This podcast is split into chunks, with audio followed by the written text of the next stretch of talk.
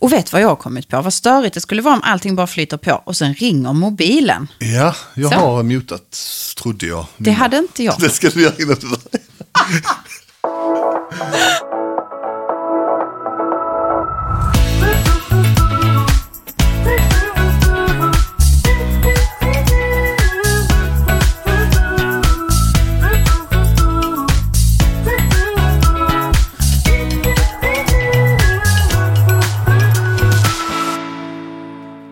Välkomna till det fjärde och avslutande avsnittet i Strategisk kompetensförsörjning.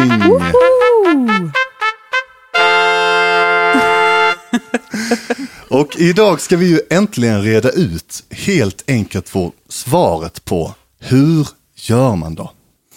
Och för att få hjälp med detta så har jag och Evelina bjudit in Sandra Jarl som är HR-strateg på koncernstaben. Och Sandra, du är ju en fena på en massa saker, bland annat People Analytics har jag hört. Jo, men jag gillar ju att simma runt i det där stora havet av data som vi har eh, inom vår organisation. Och framförallt arbeta med datadriven HR-analys. Spännande. Det där vill man veta mer om. Helt klart. Sen har vi också Sara Vidén med på telefon och eh, Sara är ju områdeschef i eh, Nordost och det har just jobbat och fortfarande jobbar exemplariskt kring kompetensförsörjning. Hur är läget med dig Sara? Jo, men det är bra, eh, Magnus. Det är jätteroligt att få vara med i den här podden och dela med sig av vårt arbete. Det ska bli så himla spännande att höra hur ni har jobbat.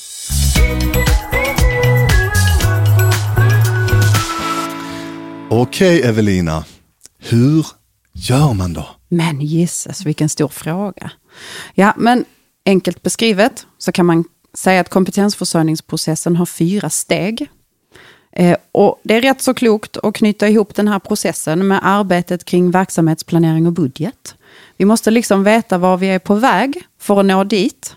Eh, men Steg ett i den här processen är ju att göra en analys. Eh, en analys av vilket kompetens, vilken kompetens man behöver på kort och lång sikt.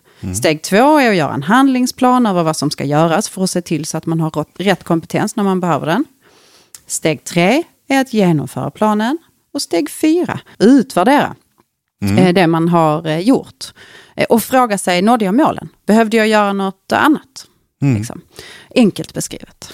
Men du, om jag i planen kommer på att jag måste göra en massa saker som kostar pengar, hur, hur löser jag då det? Ja, men det är just därför, eller ytterligare en anledning till att du ska göra detta samtidigt som du jobbar med verksamhetsplanering och budget.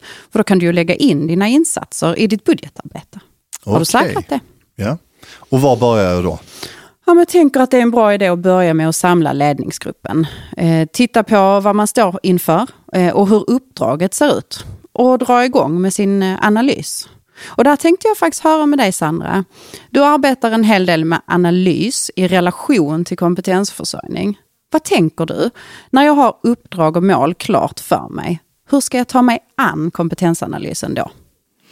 Ja, alltså jag tänker ju att först och främst så är det värt att notera för sig själv att jag redan har genomfört en form av analys när jag har identifierat mitt uppdrag och mitt mål och vart jag vill röra mig.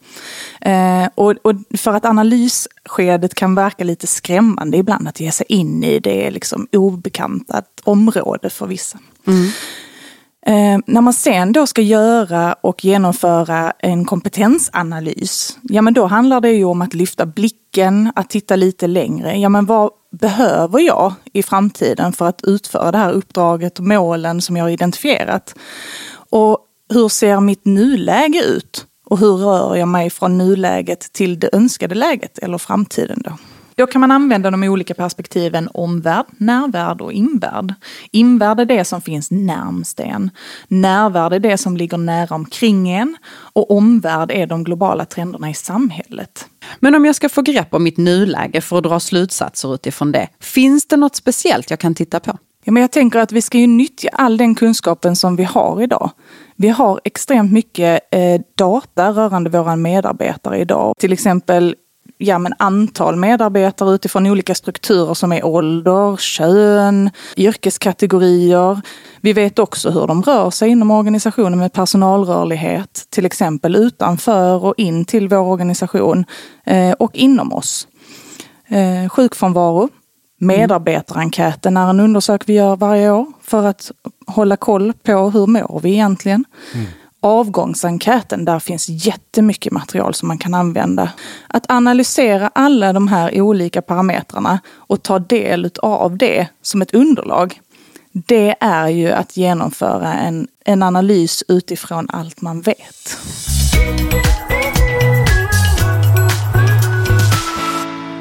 Sara, ni fick ju ett uppdrag, eh, om jag har förstått allting rätt, att ta fram en handlingsplan för kompetensförsörjning, främst av specialistsjuksköterskor i själva uppdraget.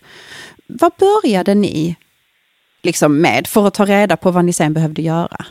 Alltså det uppdraget vi fick var ju egentligen eh, del i ett större uppdrag för att vända den negativa trend vi hade haft under ett par år här när det gäller både rekryteringen, personalomsättning och personalförflyttningen men även chefsbyten och chefsstruktur. Så när det gäller den här stora delen så eh, började vi med att göra en kartläggning och det är ju lite det som ni kallar analys. Jag har valt att kalla det kartläggning här. Ja, ja. Där hela verksamheten eh, kartlades. Och i den där kompetensförsörjning en stor del. Andra ja. delar kan ju vara vårdprocesser, vilka professioner som ingår, vilka patienter vi finns till för vilka som påverkas av det som händer hos oss. Men även omvärldsbevakningen då och lite framtidsspaning. Ja. Ja, det är mängder med grejer som ska vara med i den här analysen och ni har ju redan nämnt en hel del innan. Så att, ja, ett omfattande arbete. Jag bara går till mig själv här och tänker så här, jag är en person som alltid bara vill göra. Jag vill bara ha lösningen. Var det inte svårt att stanna i analysen? Jo, alltså som verksamhetsutvecklare så är det ju en av mina största utmaningar att få både våra medarbetare men även mina kollegor i ledningsgruppen att eh, vara kvar tillräckligt länge för att man ska kunna få ut någonting av sin analys. Vi är ju så otroligt lösningsorienterade ja. och dessutom präglade av krav på snabba resultat så att ja, det har absolut varit en utmaning det värdefulla med att stanna upp i analysen, det är ju verkligen att man kan hitta helt nya, eh, identifiera helt nya behov eller eh, förutsättningar som man inte får syn på om man bara jobbar vidare utifrån den upplevelsen man har instinktivt. Ja, men absolut. Det är ju, jag brukar likna det vid ett spindelnät. Alltså vi måste ha koll på vad vi gör i ena hörnet av spindelnätet. Hur kommer det fortplanta sig till andra hörnet? Och ju mer vi vet om vår organisation och påverkan på och av omgivningen desto lättare blir det för oss att både pricka in rätt åtgärder för framtiden men även då förebygga de eventuella hinder som kommer. Jag tycker om det här med fakta istället för att tro saker.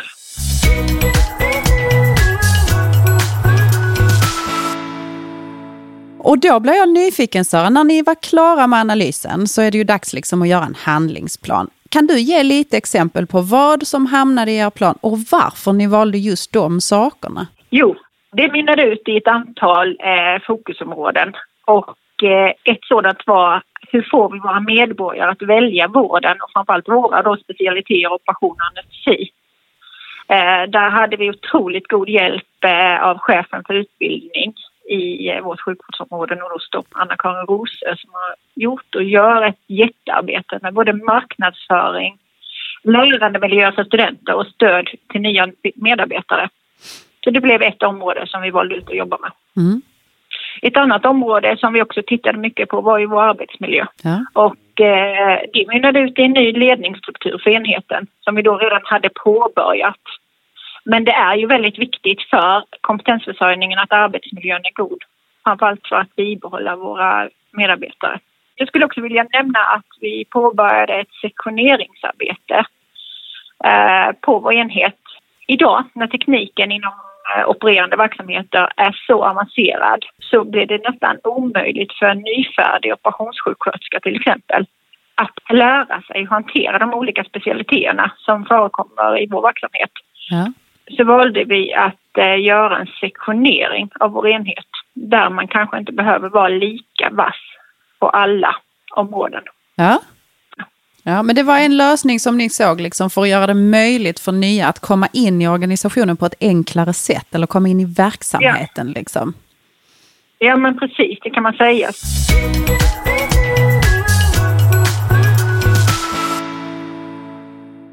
Eh, och vi pratar ju rätt så mycket om vikten av att arbeta med att använda den kompetens vi har på rätt sätt. Eh, ni hade ju fokus specialistsjuksköterskor när ni satte igång. Upptäckte ni att ni behövde göra saker för andra yrkesgrupper också för att lösa utmaningen? Ja, men absolut. I vår analys så tog vi fram siffror på hur vår personalomsättning sett ut de senaste åren. Eh, både då och sen ett nuläge samt även behovet för en nära framtid och på längre sikt. För att skapa fler operationsteam så var det ju inte specialistsjuksköterskor vi behövde. Inte i nuläget i alla fall och den nära framtiden utan det var ju fler undersköterskor med en stark reell kompetens. Så intressant. Ja, jag tänker just det där med att stanna i analysen. Undrar vad ni hade gjort om ni inte hade tittat på det där, vad ni hade landat i då liksom? Ja, men då hade vi ju missat den aspekten kan inte nog tala mig varm för hur viktigt det är med att göra den här analysen och ta sig tid till det. Mm. Ah, härligt att höra.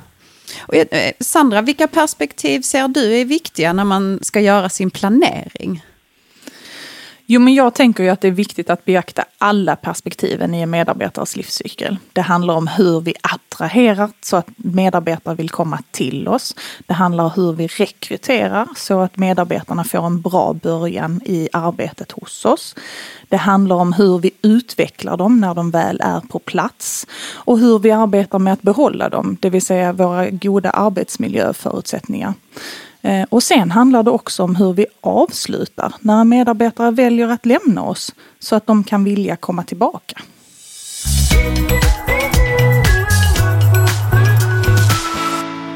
Jag tänker att vi behöver trycka på hårt också att det är inget enmansjobb det här.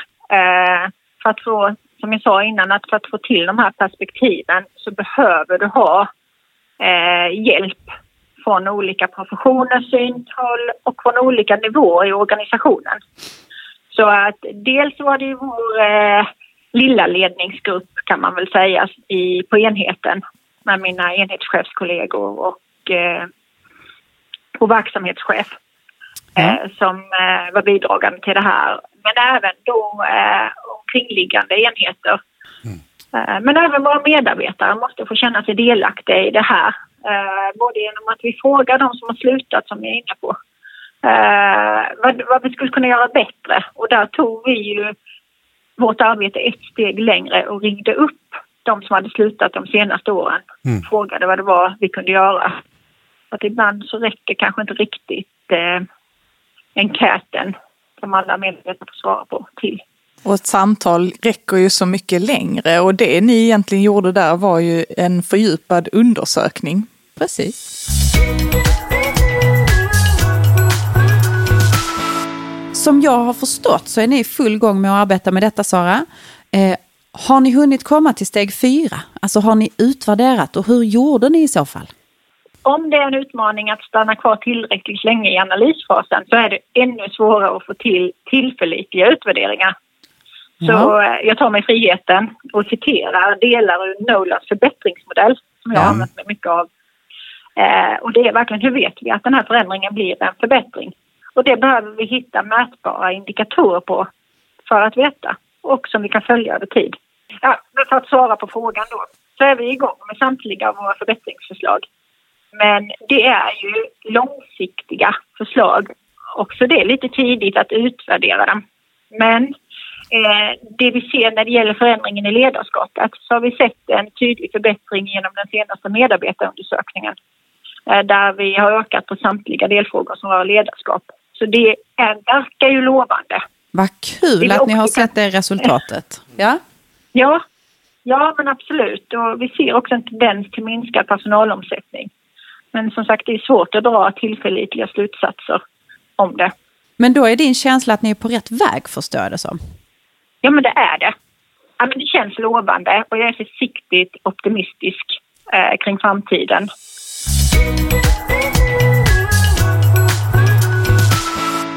Och jag, jag är lite nyfiken på vad du säger, Sandra. Hur tänker du kring det här med utvärdering och följa upp den plan som har gjorts. Vad, vad ser du är viktigt?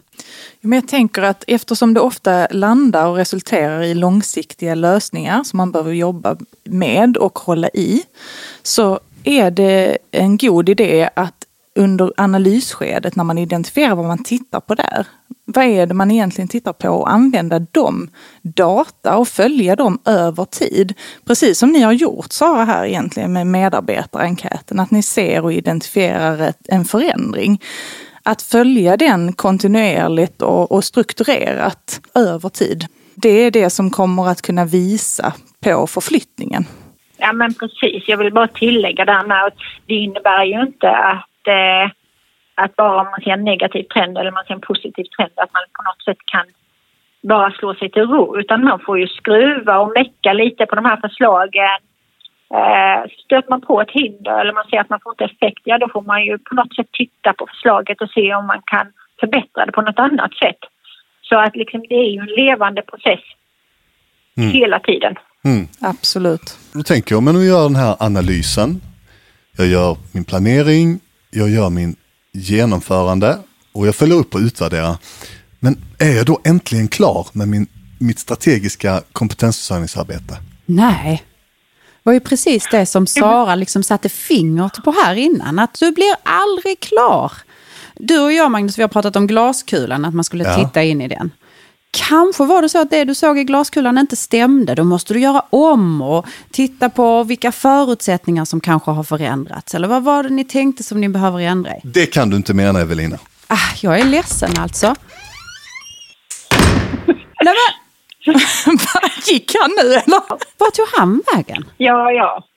Ja, det kan ju vara lite deppigt det här, men eh, det, ja, det är det vi har att jobba med. Och det jag inte hann berätta det är ju att man kan få stöd av sin närmsta HR och det finns verktyg och så på intranätet som man kan använda.